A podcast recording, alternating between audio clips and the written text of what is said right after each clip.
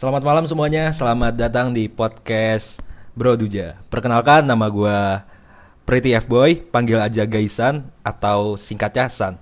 Di sini gue ditemani oleh teman-teman gue yang satu sekolah sama gue. Dimulai dari Dokur. Kepada Dokur dipersilakan. Halo semuanya, jadi gue Dokur, panggil aja gue Kur. Nama gue Dodi. Eh gue mau izin ini promosi, boleh gak nih? Ntar aja kali terakhir. Jadi gue teman Gaisan, sekali juga teman-teman yang ada di podcast gue. Ya, perkenalin ya. Status lo apa? Single, kalau mau boleh kontak. Oke, siap, siap, siap. Selanjutnya yaitu dari Aisyah. Kepada Aisyah dipersilakan. Hai, bentar. Halo, gue Aisyah. Dipanggilnya Ai atau Sya atau Aisyah. Udah segitu doang. Oke. Eh, selanjutnya yaitu Faza. Kepada Faza. Iya, nama gue Faza. Lu bisa panggil gue Faza. Ya, boleh lah. Itu aja mungkin. Makasih. Oke, kita lanjut aja kepada Zara. Perkenalan diri. Hai, gue gue Zara. Biasa dipanggil Zaizai atau enggak. Eh, selanjutnya yaitu salah satu dari teman sekolah juga tadi. selanjutnya Reina. Halo guys, uh, gue Reina, bisa dipanggil Rey atau enggak Rena. Ini Gaisan udah kenal dari SMP dan seperjuangan sama yang lain-lainnya juga. Oke. Selanjutnya dari JWA. Siapa tuh JWA? Gue gue. Perkenalan dong. Iya. Hai, jadi nama gue Anin.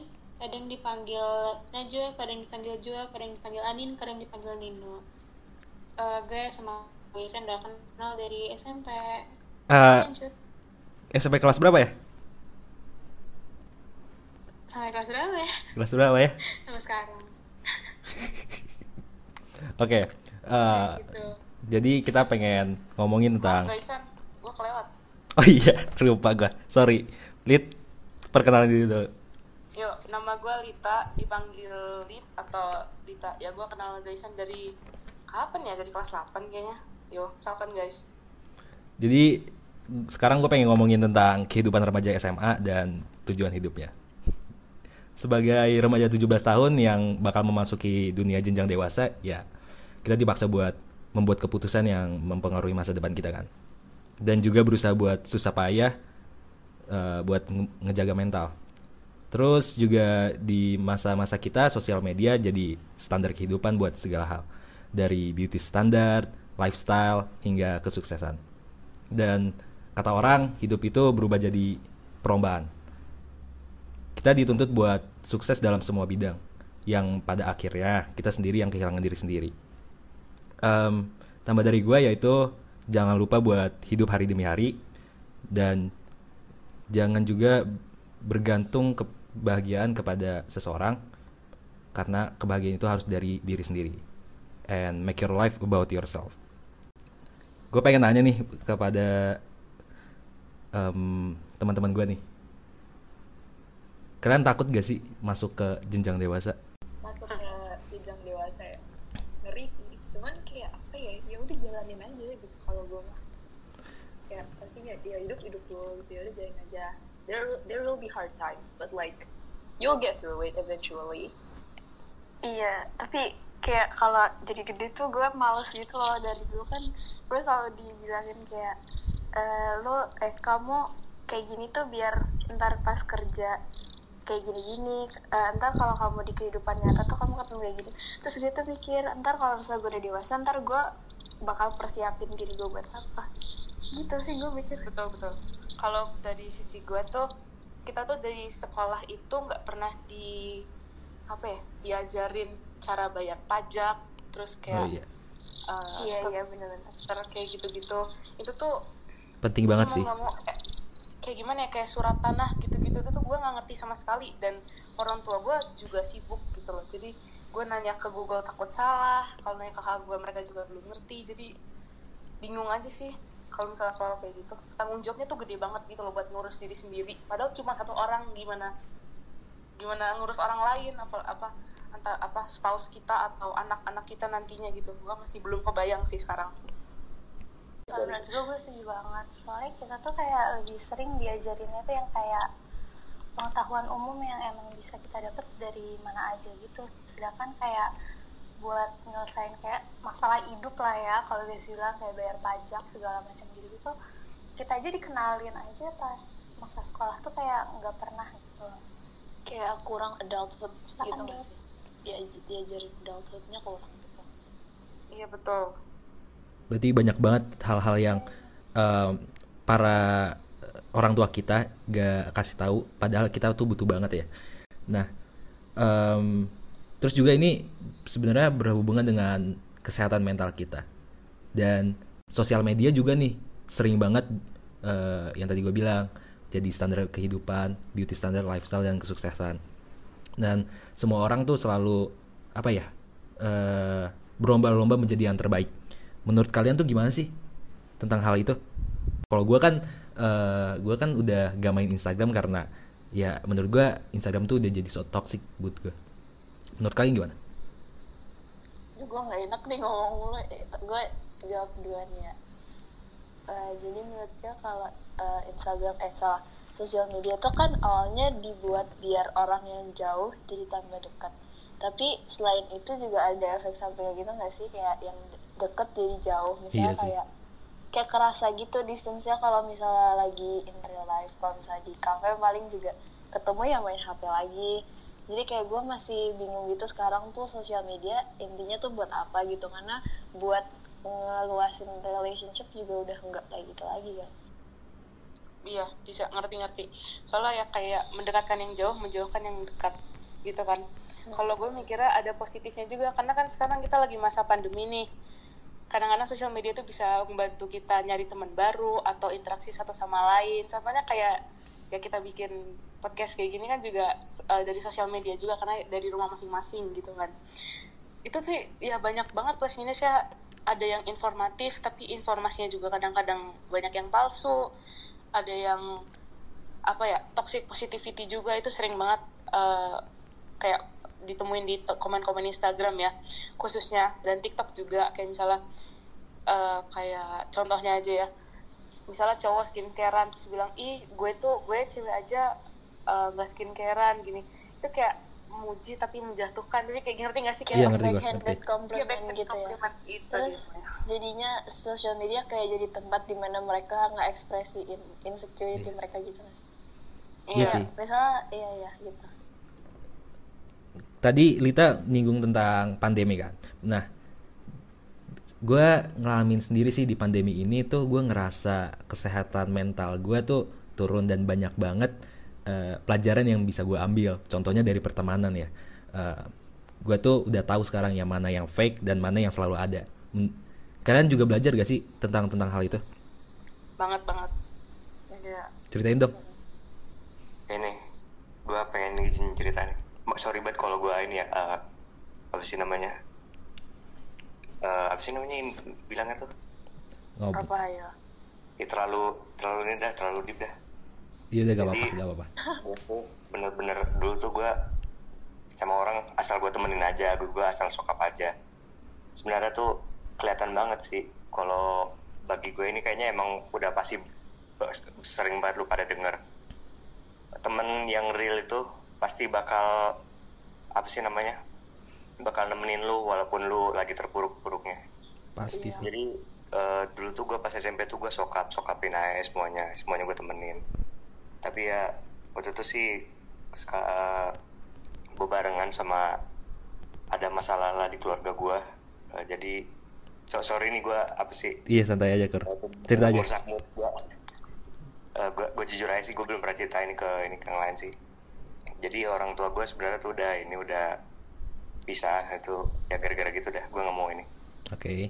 nah di situ tuh gue kan dulu dari itu dulu agak ngalamin banget ya kayak down banget.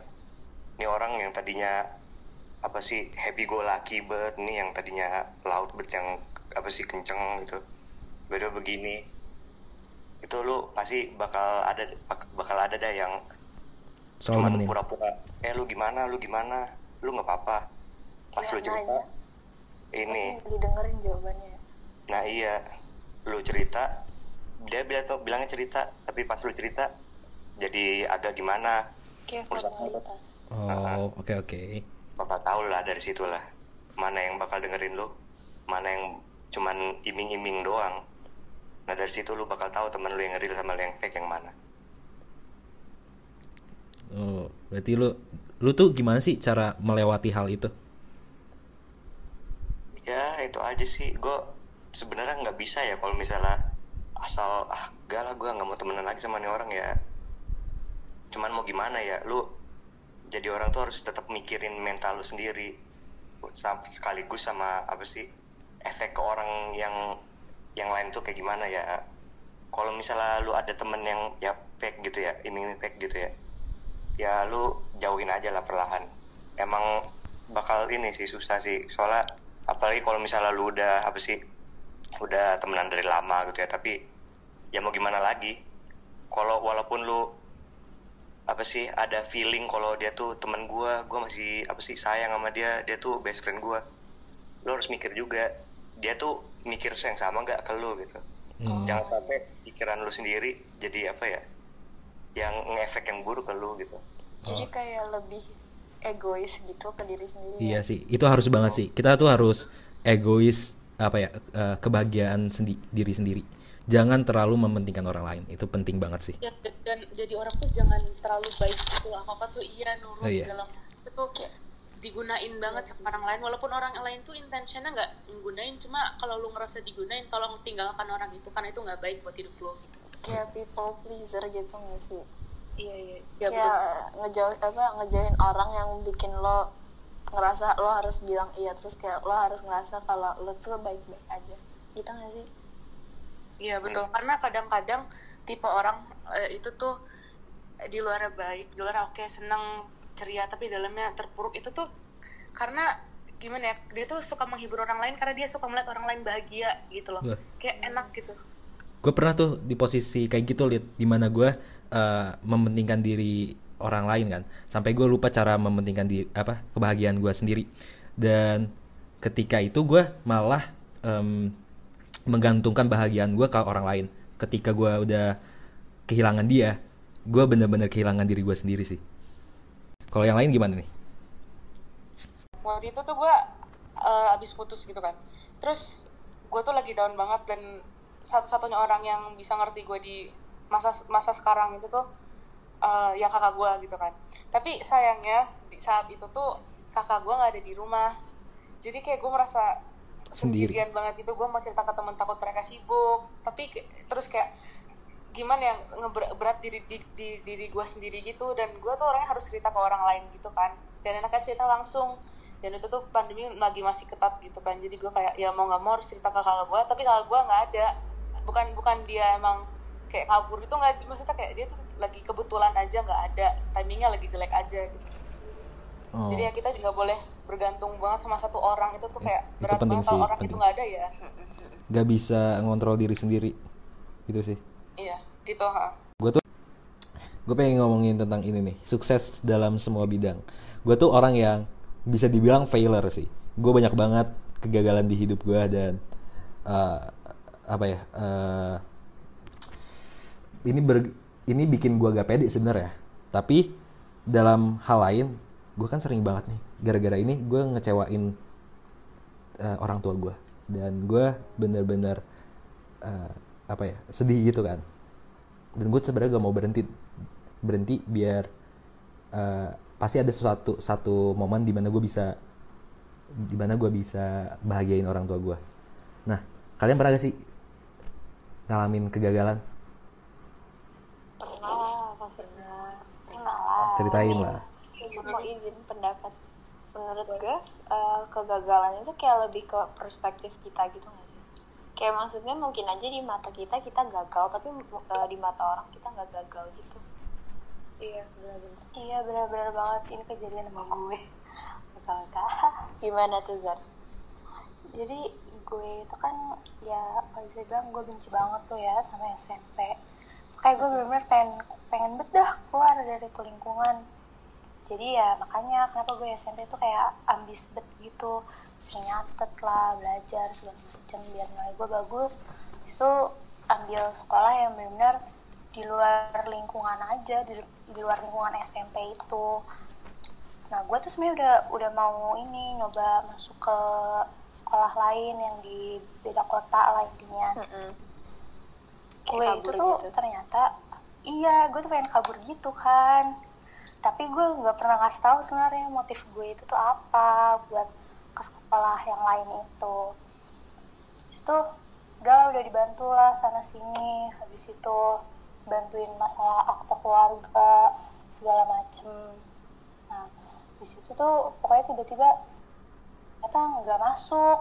Gue tuh dikasih sama ortu gue kalau gue nggak masuk di sekolah itu terpaksa gue balik lagi ke SMA yang sama di SMP gue. Otomatis kan lingkungannya sama ya. Beuh, kurang gila, lebih. gue pas dikasih tahu gitu.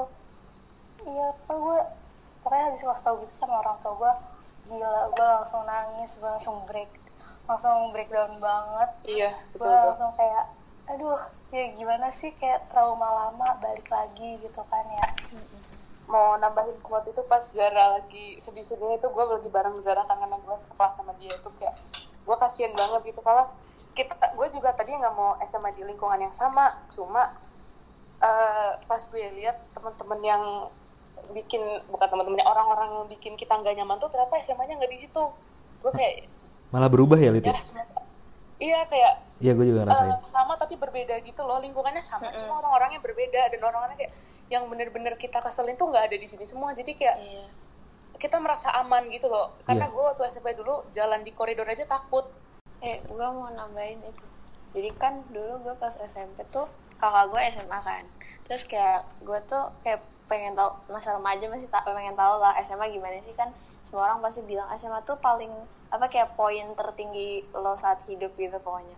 Terus gue nanya kakak gue, kak eh, aku nggak suka nih sama orang-orang yang jenis-jenis kayak gini tuh gimana di SMA. Terus kata kakak gue, eh, dek sumpah kamu tuh di SMA beneran kelihatan mana yang baik sama mana yang enggak dan kalaupun kamu nggak apa kalau kamu nggak punya masalah sama orang yang kamu keselin tuh kayak ya udah nggak bakal ada apa-apa gitu jadi kirain gue tuh SMA bakal kayak penuh drama gitu tapi kayak ternyata enggak. Dan gue kayak lebih nyaman di SMA nggak tau kenapa.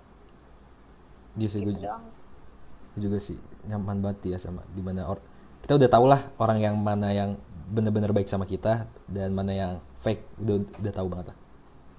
Dan pasti eh, orang-orang yang fake ini juga pasti cerita ke teman-temannya lah. Gak mung- dan bisa aja bocor gitu kan. I- iya gak sih? Iya iya tuh gue gue korban mirip gue sama Gaisan ya Allah. Emang sih ya, masalah-masalah kayak gitu emang harus dilewati juga itu buat nge apa namanya eh, kuatin mental kita. Sekarang tuh di ma- di masa kita pengen banget buat ke kelas 12 dan ada harus ada persiapan dong tentang UTBK aduh. Ad- di sih. Gue pengen nanya nih ke Aisyah nih. Gimana sih ca- cara ambis kayak lo? Gue tuh bingung banget sama lo gue soalnya bingung gue bingung sama Aisyah. Dia, Iya. dia tuh dia tuh apa ya? Kayak gue dia, dia tuh bilang kalau misalkan gimana sih caranya ambis. Sedangkan gue ngeliat dia tuh kayak dia tuh udah ambis Iya kan? ambis apa lagi aneh banget kan? Mm, gini gini. Gue tuh juga masih masih agak kesel. Gue pengen nge-break apa sih image yang gue punya di mata orang. Ya gue sama kayak manusia yang lain nah gue juga kayak punya fase di mana gue ambis gue gitu jadi yang gue bingung tuh kenapa orang ngeliat gue ambis padahal pikiran gue dari dulu gini cuman ya gue ngelakuin apa yang harus gue lakuin. Kalau misal gue juga udah nggak ada yang harus gue lakuin ya gue juga santai gitu loh. Maksudnya lebih ke kayak tahu prioritas lo gitu. Karena kalau misalnya udah tahu prioritas lo lu udah tahu tujuan lo ntar lo bakal kayak tiba-tiba ambis aja sendiri gitu menurut gue sih. Tapi gue nggak ambis beneran. Beneran nggak ambis. iya ngerti sih gue ngerti maksud lo tuh Ngerti kayak kan? belajar itu memang kebutuhan lu nah tapi kita kita nih teman-teman lu yang lain tuh pada kayak aduh belajar ah, aja aduh, lah," males. gitu. Iya, Karena gue juga pernah ada kok di titik yang kayak gitu. gitu. Gue udah, gue pernah di titik kayak gitu. Gue tuh sampai mikir, duh gue ngapain sih sekolah gitu. Karena ntar juga pasti kan eh, lingkungan di apa pas gede tuh kayak bakalan judgmental dan gak gak masuk akal lah gue mikirnya gitu. Terus akhirnya gue sadar kalau misalnya kenapa nggak gue belajar demi gue sendiri toh gak ada dosanya gitu kan. Jadi ya gue udah nggak peduli sebenarnya sama nilai. Kayak ya udah gue belajar buat diri gue sendiri. Dan itu lebih apa ya lu nggak ada tekanan gitu. Kalau misal lu belajar buat diri sendiri karena ya lo ngelakuin itu buat diri sendiri. Ngerti gak sih? Iya ngerti gue. Berarti lu tiap hari bener-bener belajar kan? enggak. Enggak. enggak gue nggak tiap hari belajar. Ada jadwalnya? enggak. Jadi gini loh gue juga belajar gak cuman dari buku gitu loh Iya gue ngerti. sih? Gua, kan kita kan Iya. ngomongin tentang akademis nih, tentang sekolah nih. oh Nah iya, lu tuh iya, iya. belajar belajarnya kapan aja? Ada jadwalnya atau gimana? enggak enggak ada jadwalnya jadi lu kayak ma- mau pas niat aja belajar itu Iya belajar. sesuai Iya. gitu iya gue juga gitu cuma kayak itu tuh kayak sebulan sekali kayak dua bulan sekali Iya. bahkan Lu kayaknya hampir tiap minggu deh, Sya.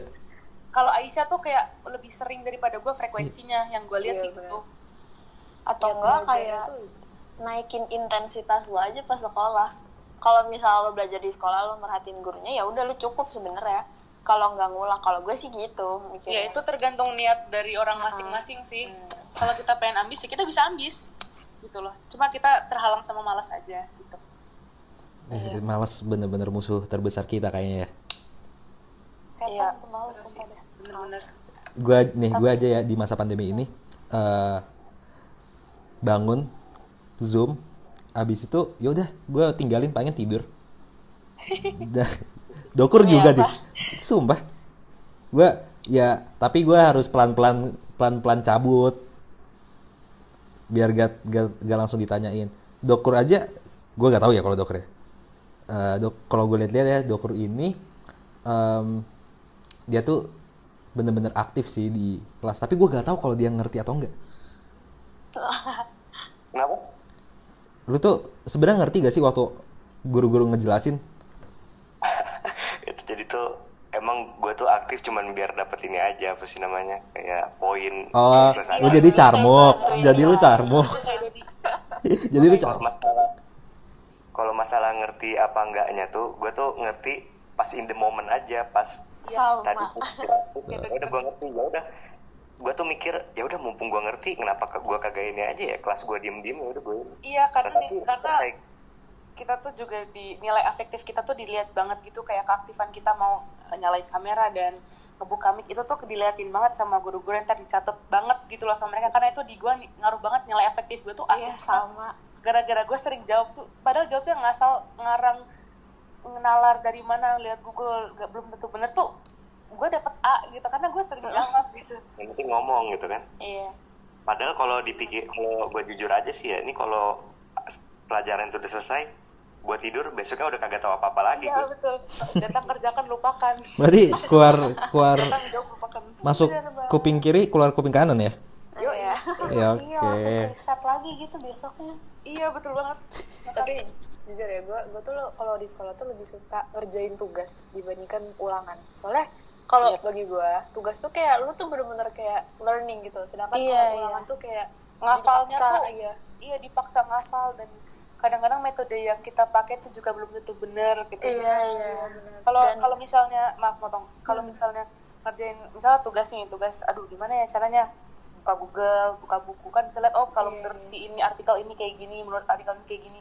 Jadi sudut pandangnya juga beda-beda nggak cuma saklek sama buku aja. Itu karena jadinya kalau ulangan tuh apa kayak ada tujuan yang terpaksa gitu loh. Kayak ah gue harus belajar demi nilai. Padahal kan dari tugas itu makanya kayak kalau tugas kan bisa meskipun itu apa matematika yang udah ada rumusnya kan kita pasti ada effort lah buat nyari. Kita baca-baca dulu ini rumus bisa kita terapin di soal ini apa enggak gitu kan.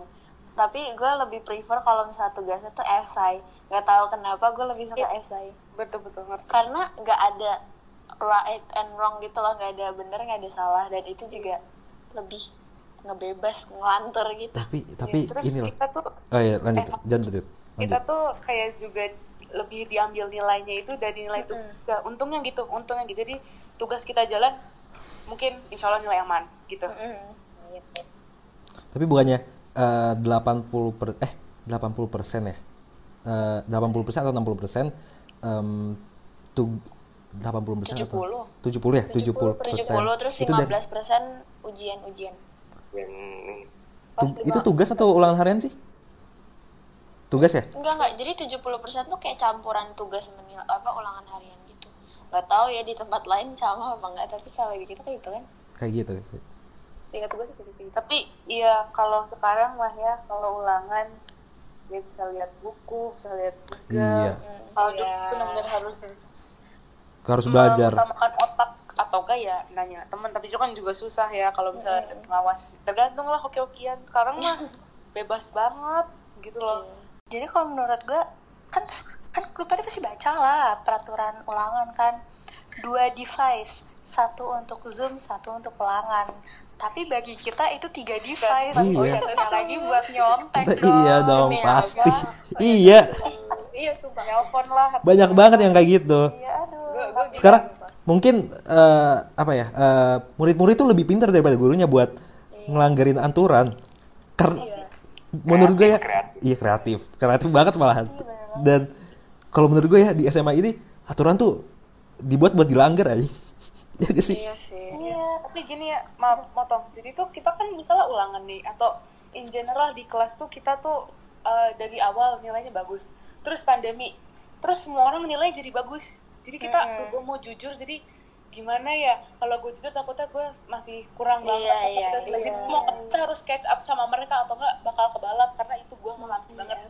Gue ngalamin banget. udah malah udah malah kan society kan lebih nilainya itu kayak ngejudge-nya nilai yang tertulis gitu Iya. Tapi mereka kayak Iya, nggak iya. lihat Mereka bilang- kita buat dapat Eh, itu. mereka mereka bilangnya mendingan eh, kalian lebih baik jujur ah gimana cara nge-detect kita jujur gitu nggak semua orang pernah Iya, jujur gue, eh gue pengen pendapat deh. Eh, gue jujur pernah nyoba, tapi akhirnya juga gak ketemu juga. Jadi gue kayak mager aja gitu sekarang nyontek.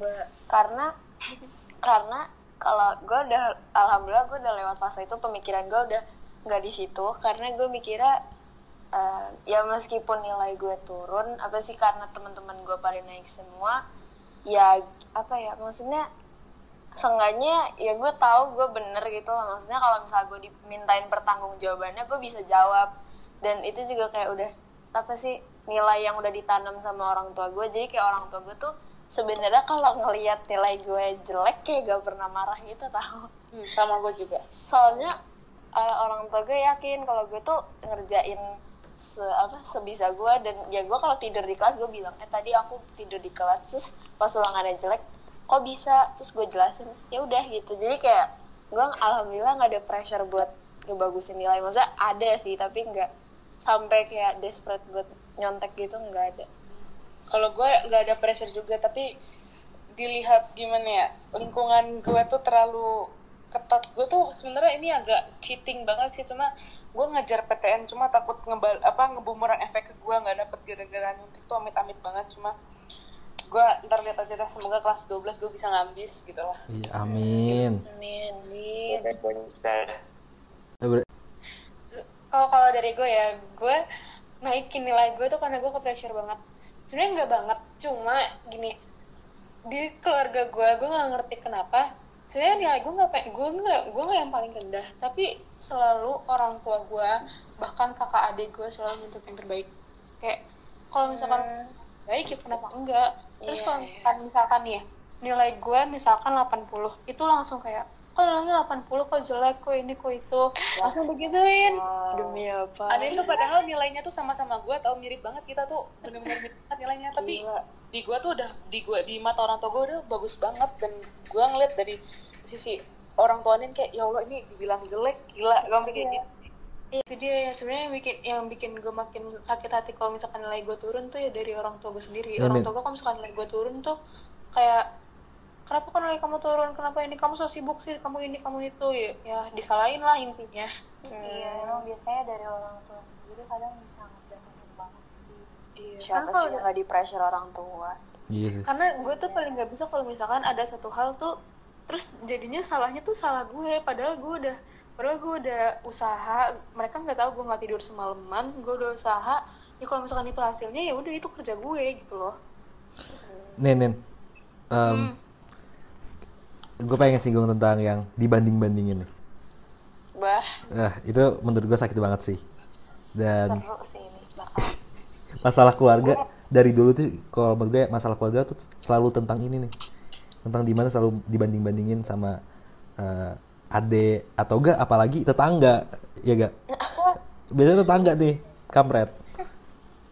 Nah menurut kalian tuh eh, kenapa sih orang tua tuh bisa berpikir seperti itu? Apa mereka mau ngebangga banggain anaknya ke tetangganya? Oh kata gue ya. tetangga gue Rena sama Aisyah guys. Gitu. Waduh agak insinyur ya. Kalau kata gue ya kenapa oh, oke Zara dulu apa Enggak, dulu lu, lu aja, lu aja dulu, lu aja dulu ya. kalau kata gue ya kenapa orang tua kayak gitu tuh sebenarnya ya niat orang tua tuh biar kita lebih s- penyampaiannya itu yang salah Iya. menurut mungkin menurut dengan mereka Iya, penyampaian. mereka iya dengan mereka bilang kayak gitu tuh kita kayak lebih termotivasi. Eh nih anak-anak tetangga nih segini nih nilainya. Wah, kacau. Anak anak anak temen gue nih nilainya segini nih kakaknya nih nilainya segini masa anak gue nilainya segini? Ayolah biar anak gue termotivasi makanya gue giniin. Cuma di kitanya tuh beda nangkapnya kan? Di kitanya Iya. tuh dalam artian Iya. di otak kita kenapa sih kok ini hasil kerja gue? Itu pasti di otak orang-orang tuh kayak gitu. Kalau menurut gue, orang tuh orang tuh sebenarnya kayak ngeliat potensial baik di kita. Kayak kamu tuh sebenarnya bisa lebih baik daripada kakak kamu, kamu sebenarnya bisa juga lebih baik dari adik kamu. Tapi balik lagi kayak kata Anin gitu loh, kayak penyampaiannya tuh salah. Iya. Itu kayak kamu tuh sebenarnya bisa lebih baik, tapi kenapa kamu malah nggak sesuai ekspektasi kita sih gitu loh. Jadi kayak penyampaiannya tuh salah salah nyampein jadinya kayak malah bukan dimotivasi ya malah Iya. kayak tambah nurunin. Tekanan. iya kasih tekanan gitu kayak apaan sih? Apalagi nih nih nih. Pasti banyak nih kan yang punya adik nih. Siapa nih yang punya adik nih? Gua pasti sih gua sih. apa? adik, gua adik. gua Punya gua punya adik, sih punya adik pasti selalu dibandingin sama adik. Kayak itu adik kamu aja yang lebih muda dari kamu. Bisa lebih Beuh, sakit lebih banget sih. aduh. Habis- kamu yang nggak bisa. Aduh di situ tuh udah Aduh, kayak sakit merasa banget. gagal jadi kakak tau gak sih? Wih, Naya Naya mau ngomong apa Naya Jali Jali Iya, tadi kan tadi si Anin tuh sempat ngomong eh siapa yang sempat ngomong yang dibanding-bandingin sama tetangga gitu. iya gua, gua, gua. Itu kan. Kalau kalau gue tuh dibanding-bandinginnya sama abang gue. Tekanan gue di sini tuh kayak abang gue kan berapa eh, dua tahun di atas gue kan. Kemarin tahun lalu tuh dia lagi bener-bener berjuang banget dapat Oh, PTN. iya.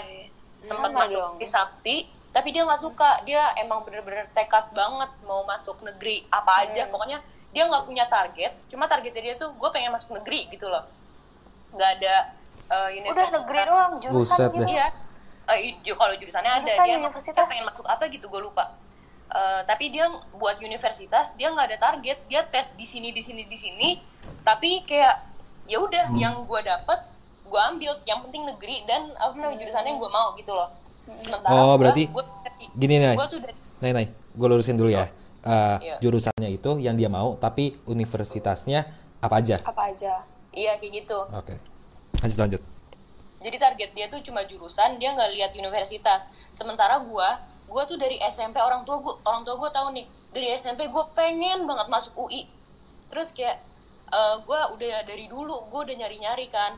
Eh, apa namanya gue pengen gue kalau masuk UI gue pengen masuk mana nih? Gue pengen masuk jurusan apa? Terus ngambilnya apa? Gitu gitu terus eh, pas udah pas abang gue dapet kan abang gue di undip kan. Orang eh, setelah itu orang tua gue malah tambah kayak eh, nambah kayak apa namanya apa sih bahasanya ngubah target gue sementara kan kalau misalkan lu lihat nih dari SMP sampai SMA aja udah tiga tahun. Lu misalkan udah komitmen buat sesuatu selama tiga tahun terus tiba-tiba gara-gara gara-gara satu faktor kecil yang gak mengaruh yang seharusnya gak memengaruhi gue tiba-tiba gue harus ngubah target gue kan kayak sakit hati banget gak sih Iya sih. Di mana orang tua lu gak ngedukung lu gitu kan? Iya, padahal sebelum abang gua masuk undip, orang tua gue orang tua gue ngedukung banget gue kayak, ayo deh katanya mau UI, katanya mau UI, gue seneng banget banget kalau digituin. Sementara pas abang gua dapat undip nih, tiba-tiba bokap gue bilang, kamu kenapa nggak ngambil undip aja? Aduh. Gila bilang gitu. Terus kayak gue, emang kenapa kalau UI gue gue tuh udah diambang nangis banget. Terus kayak apa namanya bokap gue bilang kamu kenapa nggak masuk eh, undip aja sama abang? Gitu kan. Terus gue bilang emang kenapa kalau nggak sama abang? Gue bilang gitu. Terus terus apa namanya tiba-tiba tuh bokap gue bilang kamu tahu sendiri UI tuh eh, apa namanya ah, aduh gue jadi nangis.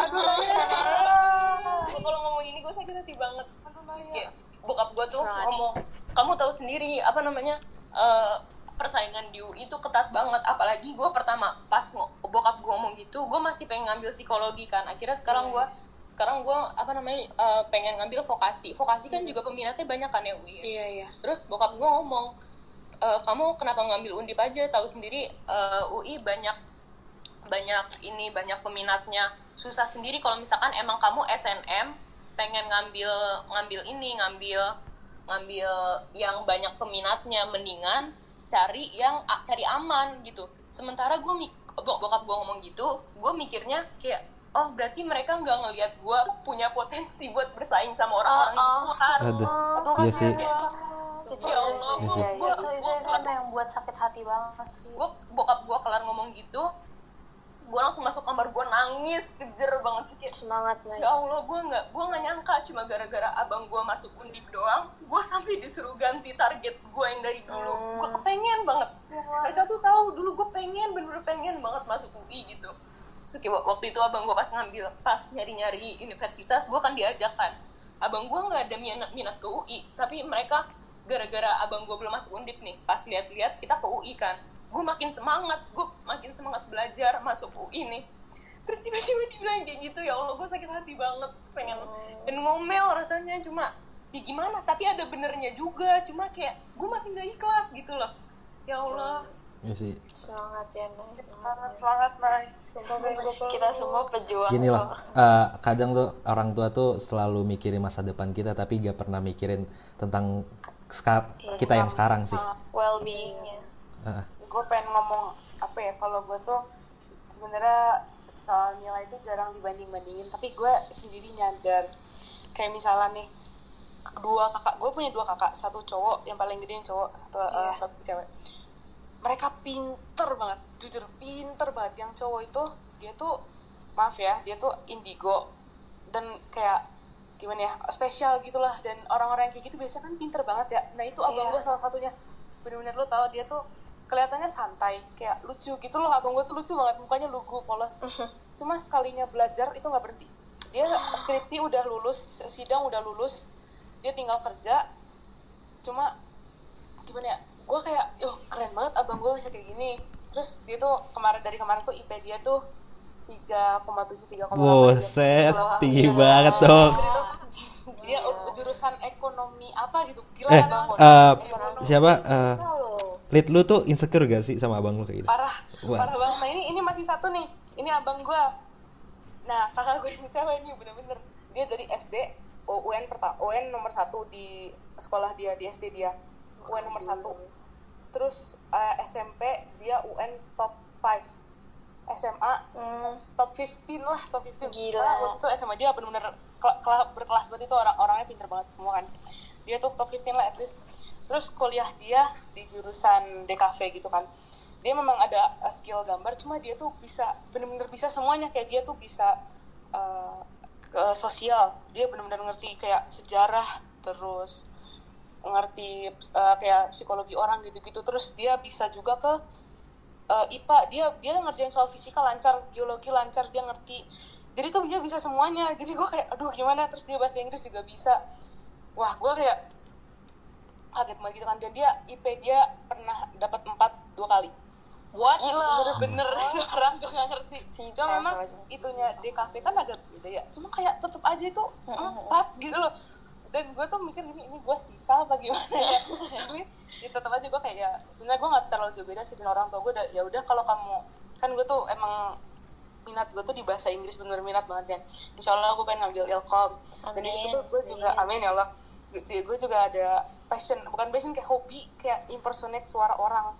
Atau enggak kayak impersonate kayak penyiar radio. Dan gue tuh melihat salah satu kayak misalnya radio kom tuh lu bisa latihan jadi penyiar radio. Terus gue kayak wow ini kayak gue dapet jurusan yang alhamdulillah gue dapet gue mau gitu. Semoga nanti ke depannya bisa ya amin. Tapi ya untungnya gue gak ada pressure dari orang tua. Cuma orang tua gue kayak melihat anaknya anaknya tuh tiga tiganya beda banget gitu loh. Kayak variatif gitu kayak bukan nastar eh salah. Kok nastar? Kok nastar ya? gitu kan. Ada beda-beda gitu. Kalau yang lain gimana nih? Yang lain gimana? Gue mau nambahin. Eh, gue eh, jujur gue kayak sekarang napasnya sebenarnya insecure soalnya dari orang-orang keluarga gue yang atas tuh kayak apa sih? Nggak leluhur juga sih kakek nenek gue tuh dulu kan kayak dosen terus eh, bapak gue tuh termasuknya ya gak gak gak pinter juga sih sebenarnya tapi kakak gue gue sih parah sih gue dulu insecure banget sama kakak gue kalian tahu kan kakak gue kayak gimana? Iya. Bahwa itu bukan pinter lagi itu orang. Terus kayak ya dulu gue kayak mikir duh gue apakah gue harus terus membuktikan diri gue gitu biar gue tuh sebenarnya bisa disandingkan gitu bareng kakak gue terus ya udah gue sampai tapi di situ alhamdulillah sih gue udah nggak apa ya udah selesai sama masalah ini tapi gue pengen cerita proses aja. Pas itu gue kayak bener-bener kerja keras gitu sampai gue malah yang gue usahain tuh kayak nggak ada hasilnya gitu. Karena ya gue ngelakuinnya bukan buat diri gue sendiri. Jadi gue sampai kayak di, titik sampai gue tuh nanya eh gue bilang ke orang tua gue kayak apa kenapa sih kok orang tua kok lebih sayang sama kakak daripada aku. Terus kata Duh gue pengen nangis kan jadi tapi kayak Aduh, pokoknya- aduh. enggak enggak. Enggak gue gak akan nangis hari ini. Jadi pokoknya katanya tuh sebenarnya emang dari awal tuh gak ada yang ngebanding bandingin gitu. Cuman gue ngera guanya aja yang ngerasa. Jadi mungkin aja yang orang rasain dibanding bandingin tuh mungkin terlalu subjektif pandangannya. Gue kadang mikir gitu tapi kadang juga kerasa sih dibanding bandingin Hmm, tapi Syu, Aisyah tuh konteksnya ya Aisyah tuh kakaknya tuh SMA-nya sama sama kita Jadi iya SMA. orang-orang selalu Ih, ini kakaknya eh, nama Aisyah tuh bahkan nggak ada selalu kayak ini tuh anak punya nama tapi dipanggil nama kakaknya terus kasihan gitu loh ya ampun. Terus eh, akhirnya tuh dijelasin kayak apa ya pokoknya tuh sebenarnya nggak di apa gak dibandingin. Soalnya dari kecil juga udah gede di lingkungan yang beda gitu. Jadi kayak orang tua gue tuh udah berusaha banget biar gak ngerasa dibedain. Terus akhirnya dari situ aduh habis itu dari situ akhirnya gue nyadar kalau selama ini tuh buat apa gue ngebuktiin apa ya pre- apa sih namanya bentar bentar gue mikir dulu. Eh presensi apa sih existen gue di mata orang-orang kalau sebenarnya di mata orang tua gue tuh gue udah ada ngerti gak? Ngerti gue. Iya kan kad- kan kadang orang kayak kamu adanya ini kok kamu gak gini gini gini kok kamu gak gini gini terus Oh. kayak ya kan gue sering gak digituin Oh, kayak lu berarti di, bukan dibandingin sama orang tua lu ya, tapi dibandingin sama iya teman-teman atau orang-orang kayak gue dulu merasa dibandingin tapi gue udah selesai dari itu. Tapi lebih dibandingin sama orang sih. Iya. tapi akhirnya gue udah selesai sama masalah itu dan sekarang gue akhirnya hidupnya tenang-tenang aja soalnya gue udah lewat masalah. Itu tapi itu salah satu terburuk sih. Gue parah banget itu di situ. Eh, yang lain mana nih? eh maaf ya gue ngomongnya kepanjangan. Nggak apa-apa kok guys kita cerita-cerita aja. Mau cerita dong? Iya. tapi nih sorry banget ya nih cerita gue nggak sedip yang apa sih si kayak si Jali itu si Aisyah tadi. Jadi mau bilang nih semangat ya kepada ya. Sumpah gue dengan cerita lu pada gue jadi kayak apa ya gue pencerita agak jadi cerita gue gitu doang gitu. Nggak apa-apa. Ya jadi eh, apa ya kayak kayak dibilang sama nggak bisa sih. Gue juga kayak apa sih korban perbandingan juga. Tapi Hmm. si apa sih yang uniknya tuh gue bukan dibandingin sama orang lain. Hmm. gue kayak dibandingin sama diri gue sendiri. Gitu. Wah, iya. ah gimana tuh? Ngerti gue. jadi tuh eh per- nih percaya nggak percaya sih lu pada ya. Gue tuh dulu SMP tuh eh, kalau gue ini gue dulu tuh gue ambis banget sih sumpah. Gue oh. sampai gue les lima hari gue jabanin. Sampai jam 8 9 malam gue jabanin. Gila. Sampai apa sih dulu tuh TO pernah nyampe ranking 6 itu gue bangga banget keren kayaknya sebenarnya sih gue Eh. percaya nggak percaya so soal lupa terlihat kan nggak boleh sebut cut itu dikata aja cut Iya, cut cut. Eh, ntar gue cut, ntar gue cut, ntar gue cut.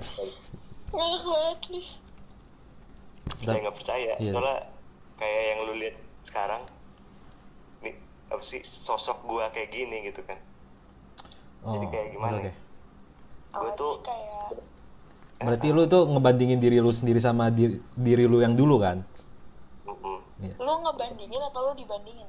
dibandingin Oh Berarti Kayak dibandingin. dibandingin sama past self lu. Kayak dulu lu pernah gitu. Lu lu sendiri yang ngebandingin diri lu atau orang tua lu? nggak orang tua gue gue sebenarnya mah nggak mau ya gue sendiri juga ini sih agak apa ya agak terperangkap juga sih Kayak soalnya gue dulu ini kayak apa sih sebenarnya nggak suka banget gue main kayak pelajaran-pelajaran gitu. Cuman gue tuh dulu cuman pengen ngebanggain aja cuman gue pikir-pikir lagi gue nggak suka banget. Makanya gue gabung organisasi itu oke. organisasi. Nah dari situ nah itu gue ngerasa banget wah ini gue cocok banget nih. Gue apa sih namanya eh passion kayaknya gue nemu passion nih selain apa sih kayak udah nemu the love of my life gitu kagak sih Anjay. Iya, iya sih. coba deh. Kayak eh, lu masuk organisasi ini, lu udah tahu di mana passion lu dan lu gak mau apa ya namanya? eh, ninggalin hal ini sebenarnya kan? Heeh. kayak apa sih ya udah gue pengen nyoba yang lain aja akhirnya gue nemu tuh kan nah tapi ya apa sih gue kan orangnya tuh gak tipe-tipe kayak kayak lu sih gitu kan kayak Hah? gue bingung ya balance bisa balance gitu sama pelajaran gitu kan gue nggak bisa sumpah dah.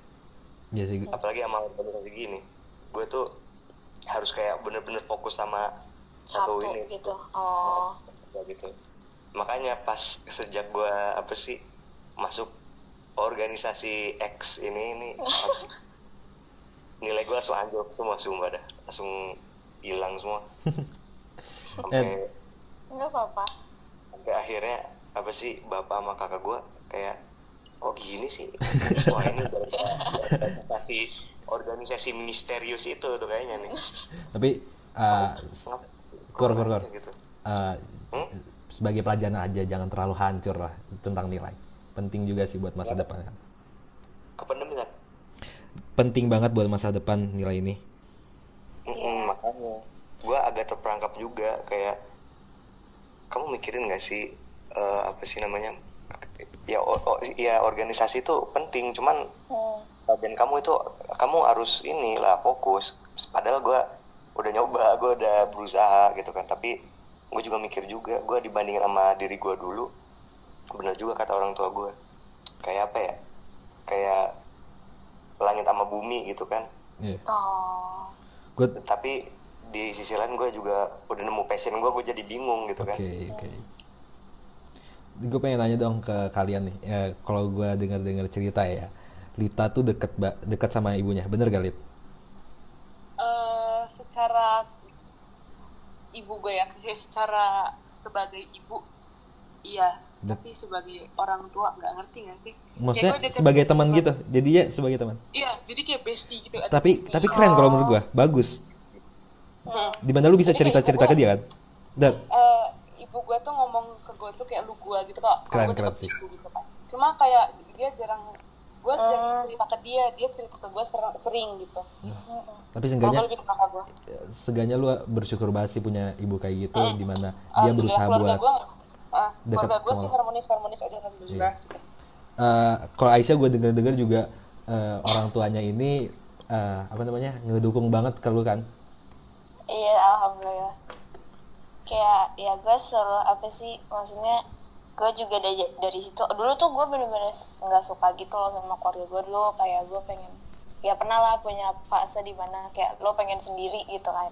Tapi akhirnya gue nyadar ya kalau selain keluarga gue siapa lagi gitu kan mau yang mau apa yang mau dukung gue. Dan ternyata kayak kayak dari salah satu lagu gue denger tuh sebenarnya apa yang lo punya itu bisa aja ada di depan mata lo dan lo nggak nyadar gitu dan itu gue ngerasain banget dulu kayak gue nyari comfort di banyak tempat terus akhirnya gue ketemu dan itu ternyata di rumah gue sendiri gitu Kor, Kor, lu deket gak sih sama orang tua lu?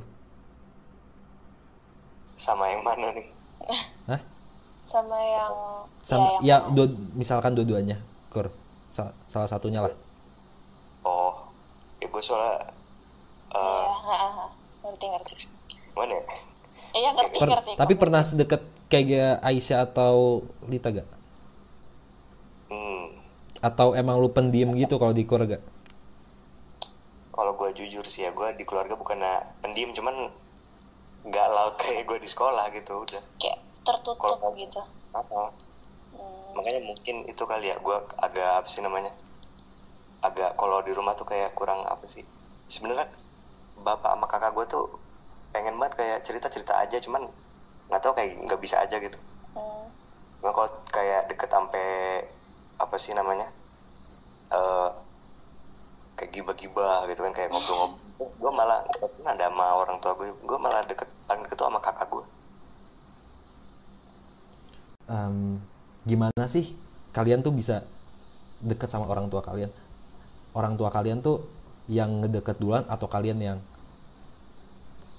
kayak yang langkah duluan? Ngerti gak sih oh kalau jadi kayak kalau yang gua- mulai duluan gitu ya Iya. oke lanjut emang Iya, kalau kalau misalkan gue sih, gue nggak pernah maju duluan gitu ya kayak mau legit ngobrol gitu sama mak gue gitu. Pasti mau gue tuh yang selalu reach out ke gue gitu. Tapi ya pastinya gue pelan-pelan gitu kayak gue bisa percaya sama gue nggak gitu. Hmm.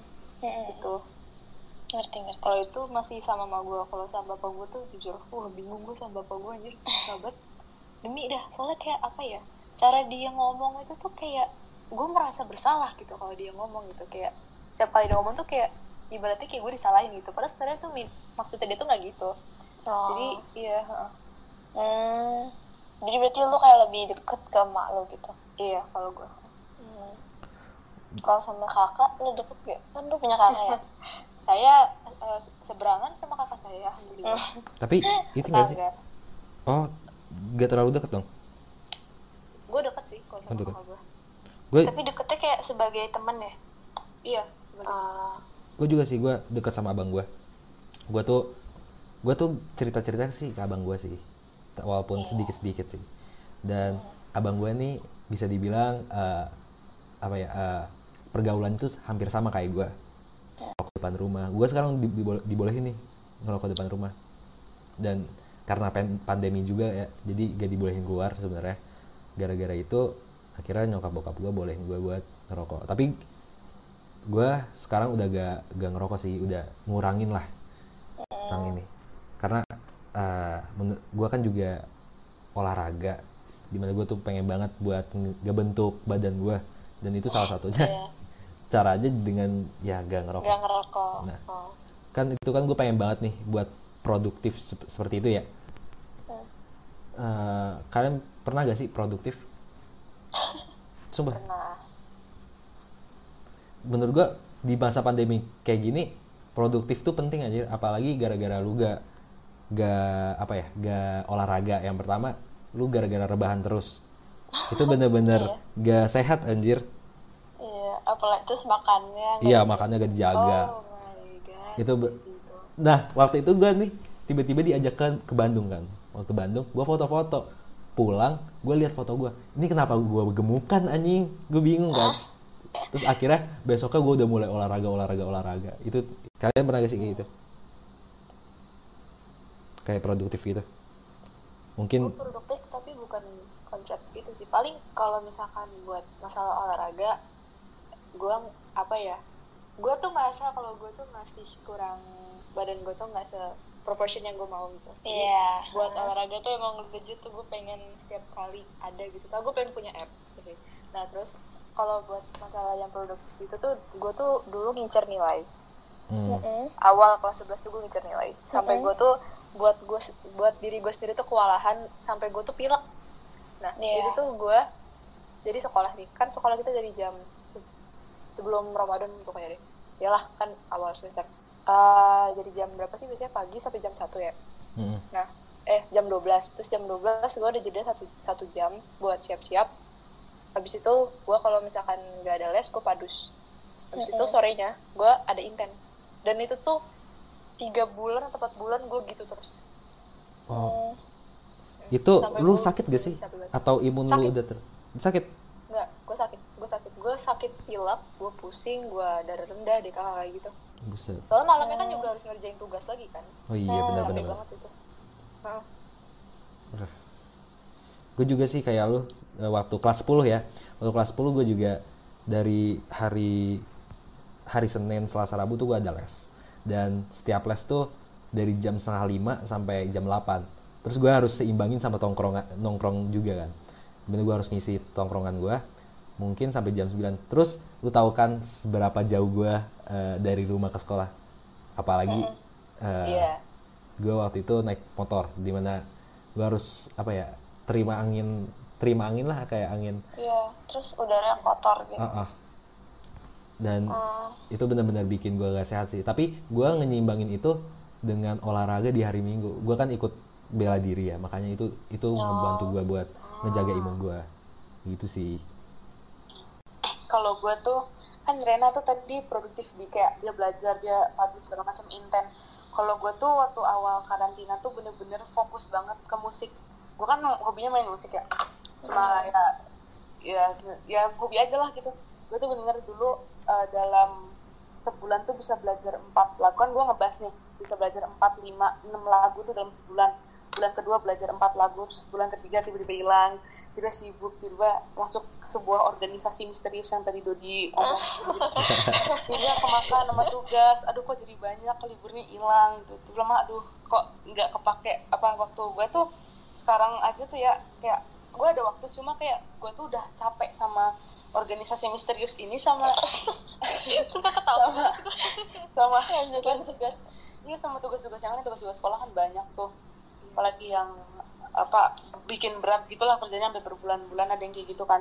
Terus itu tuh nguras tenaga banget jadi kayak aduh gue udah nggak sempet um, main musik lagi gitu gue ada tangan gue udah nggak selemes yang dulu Uh, kaki gue kan gue juga ngedrum gitu kan udah nggak apa selincahin dulu tangan gue udah let, letoy banget lah gitu. Jadi kayak gue ngerasa aduh kenapa ya udah gue atur waktu aja gitu kan sekarang gue juga udah males banget udah nggak produktif lagi. Produktif tuh kan gimana ya macem-macem gitu kan di Iya. pandangan orang. kalau di gue tuh ya paling nggak lu sehari ngelakuin hal yang bikin lu seneng gitu kan Da- dari kemarin gue kayak nonton tidur makan gitu-gitu doang karena ya nggak gue nggak tahu gitu loh mau ngapain lagi Iya. kalau gue juga tertelan sama tugas gitu Kalau gue sih dulu, dulu gue kayak nggak bisa bedain gitu loh sibuk sama produktif. Hmm. Terus gue berpikir kalau misalnya gue nggak punya waktu buat megang HP itu berarti gue produktif gitu. Terus itu kayak gue jadi mistuk apa mistukan apa kayak menyalahartikan itu sebagai hustle apa sebagai produktif padahal itu kayak semacam hustle culture gitu. Terus ya dulu kayak gue bener-bener waktu tidur gue cuma tiga jam terus habis itu gue bangun belajar belajar belajar les belajar tidur belajar udah gitu doang. Dulu gue kayak gitu. Terus habis itu gue libur eh, kita libur kan. Yang apa tahun baru deh kalau nggak salah tuh. Yang dua minggu seminggu iya gitu. terus habis itu di situ gue mulai suka sama itu gambar ngecat gitu. Terus habis itu gue juga jadi suka baca buku gitu. Terus dari ngelakuin itu gue baru nyadar oh produktif tuh nggak harus lo ngelakuin eh, apa lo belajar lo nggak harus kayak ngerti gak sih? Kayak Iya, ngerti gue. harus Nggak kayak harus gitu. tentang sekolah terus kan? habis itu mm-mm. terus habis itu akhirnya ya udah sekarang gue nggak tahu ya dibilang nggak produktif atau gimana tapi gue kayak gini aja udah ke apa jalan gitu lah hal-hal yang gue ngelakuin. Jadi gimana kalau misalnya gue lebih ambis gitu kadang gue mikir penting lagu di hidup lu anjay. Ba- aduh. Banget sih karena kayak gabut dengerin lagu tuh udah, udah enak banget. Iya kayak belajar lah terus oh berarti berarti udah keseharian lu kan ya? Kenapa? Keseharian lu emang dengerin lagu? Iya dengan betul. Oh berarti si hidup. Oh iya. gue pernah denger nih kalau lagu itu emang temen deket lu sih. Iya gak sih? Kayak eh, itu salah satu hal yang gak nyakitin lu. Iya karena kita bisa milih apa yang mau kita Ah, ah. dengerin. kan kalau kata-kata orang nggak bisa kita pilih iya kan iya. salah betul. Itu sih. Tasya eh duh gue Kat- tuh punya masalah suka tapi gak bisa mendalami gitu loh. Kalau gue sebenarnya musik tuh ya cuman suatu hal dalam hidup gue tapi gue udah dikenalin gue udah belajar piano dari kapan ya? Dari TKA deh kalau nggak salah. Jadi kayak gue denger lagu tuh sebenarnya udah kayak oh lagunya gini oh lagunya gini. Terus kayak gue nganggep musik tuh kayak tiap hari gue dengerin. Nggak tahu kenapa kayak enak aja gitu dengerinnya. Terus apalagi gue nyanyi jadi kayak ya udah nggak bisa dihilangin dari hidup gue gitu loh. Kayak sehari gak dengerin lagu aja tuh nggak bisa sumpah. Iya sih bener sih. Kayak kayak pagi dengerin lagu legabut dengerin lagu gue ulangan aja UTS dengerin lagu. Terus kayak fisika itu tanpa lagu gue nggak bisa ngerjain. Iya sih gue juga tes dengerin lagu. ya kan? Ah, ah, gitu tuh. Ada sih, gue pengen nambahin. Kalau gue tuh juga kan bisa main musik. Gue bisa main musik gitu kan. Ada drum, bass sama gitar. Terus gue lagi mau nyoba ke vokal sama keyboard. Karena gue penasaran aja gitu. Karena kayak itu salah satu stress reli- reliever gue. Yaitu main musik. Gue baru baru masuk baru-baru banget sih, nggak baru-baru banget kayak gue drum kelas 8, bass kelas 10 gitu ba- baru banget. Tapi kayak seru aja gitu kalau gitar dari SMP ya kelas 7 lah itu pelajaran wajib. Jadi mau itu sampai sekarang. Oh iya. Enak sih kayak musik itu tuh kayak ya stress reliever aja gitu. Iya bener. Kayak musik tuh walaupun apa ya kalau lu nggak ngerti juga ntar akhirnya tuh kayak oh iya.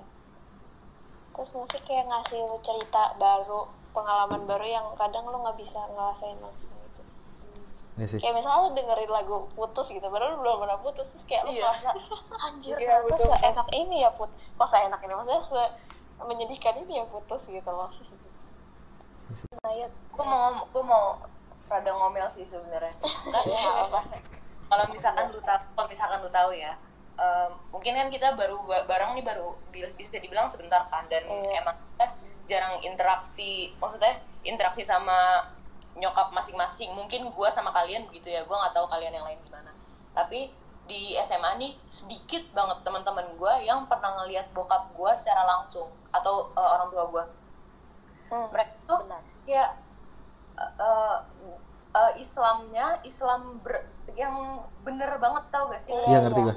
Bokap gue juga gitu. religius gitu nggak Iya banget.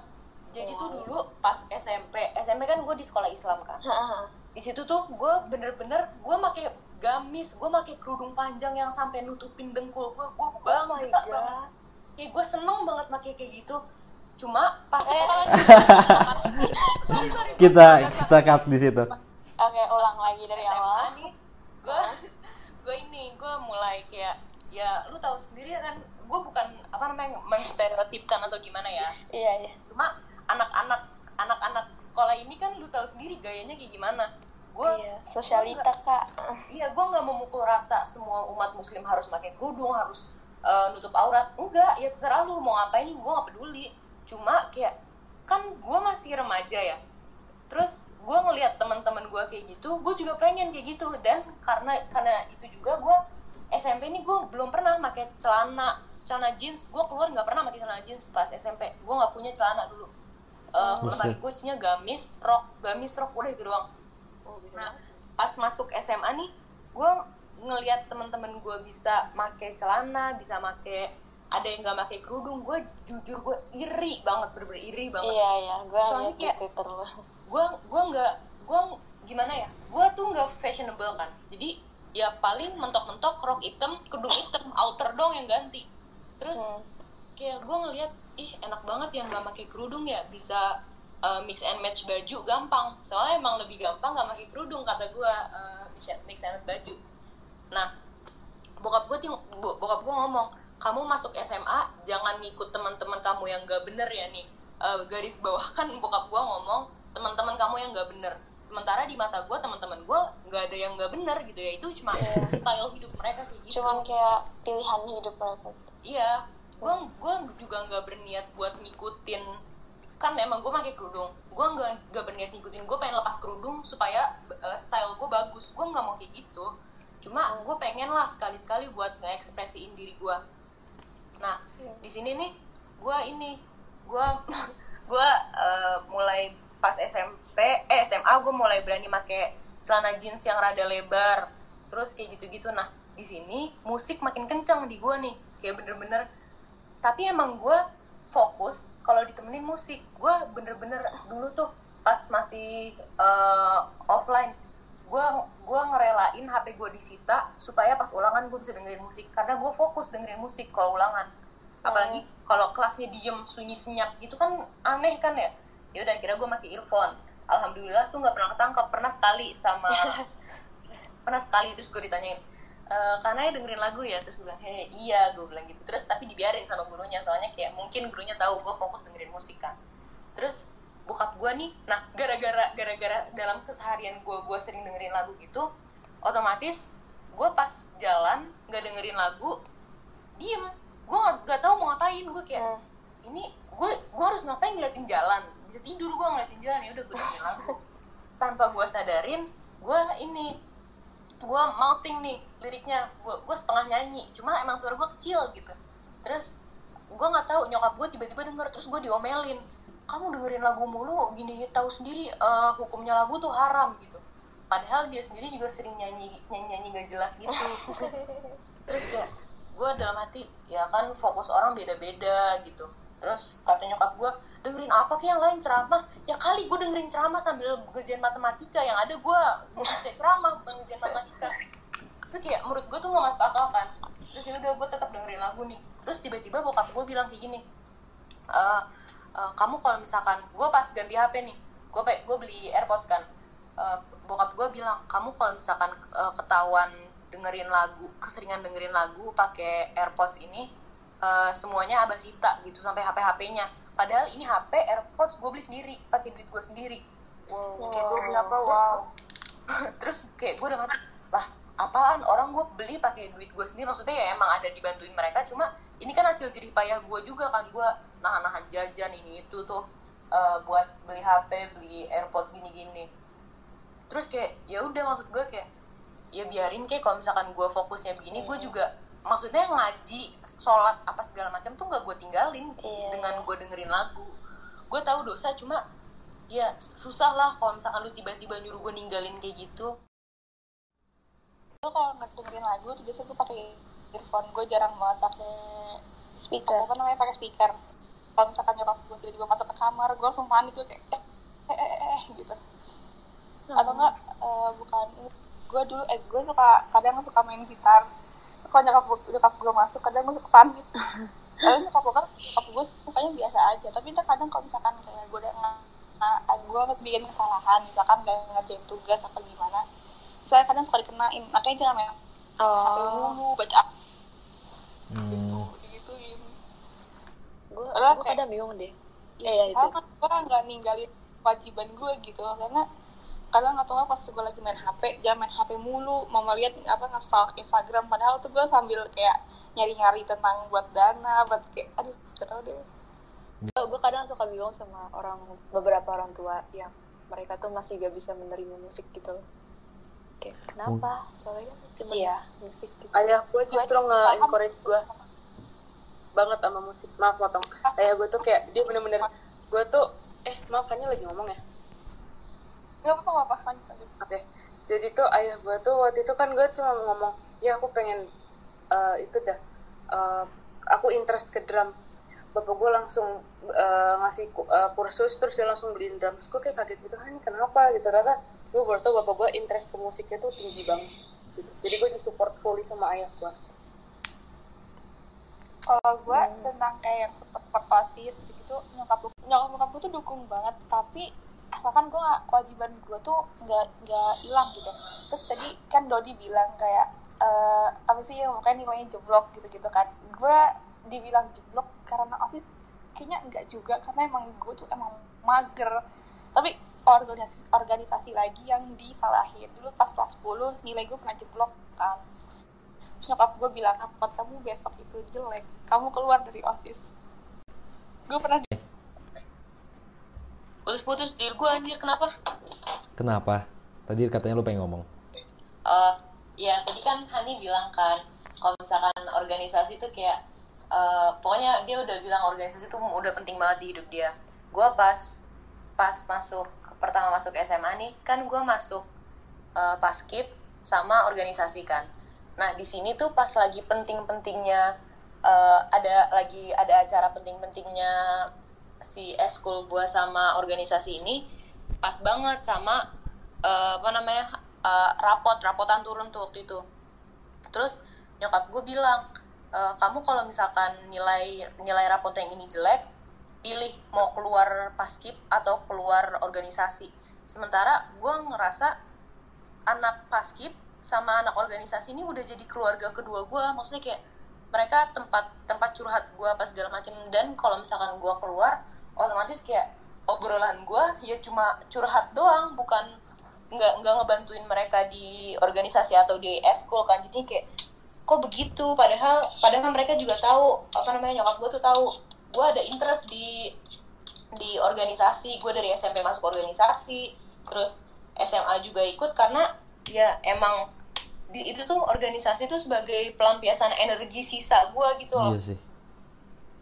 terus tiba-tiba disuruh disuruh buat milih salah satu padahal dua-duanya tuh penting di hidup gue sih kayak ya Allah sakit hati banget gue kenapa harus disuruh milih coba udah cukup segitu aja dari gue terima kasih Tanya nih buat semuanya. Target sukses lu itu kapan sih? Di umur berapa? Target target sukses. Ah, ah, target sukses. Kayak lu udah map lu udah mapan tuh di pengennya di umur berapa? nikah lah harus mapan. Maksudnya bukan mapan maksudnya apa sih? Kayak sukses gitu. Udah settle gitu. Iya. Ada penghasilan. Iya. Gue kalau kagak gitu kayak angkanya 25 sih. Gue nggak tahu deh gue pengen cepet-cepet kayak pengen secepatnya gitu dah. Pengen Oh. pengen gue nggak ada gambaran umur. Sumpah. iya sama gue juga nggak pernah ngeset target umur soalnya kayak sama. Gua kalian kalau misalnya udah lulus S1 mau kerja terus langsung lanjut S2 apa enggak? Gua langsung lanjut S2.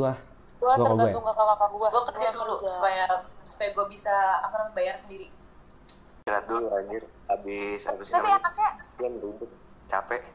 pas kuliah S1 tuh ini enggak sih kayak lu udah magang-magang gitu jadi pas lulus tuh kayak udah ada gambaran gitu ya.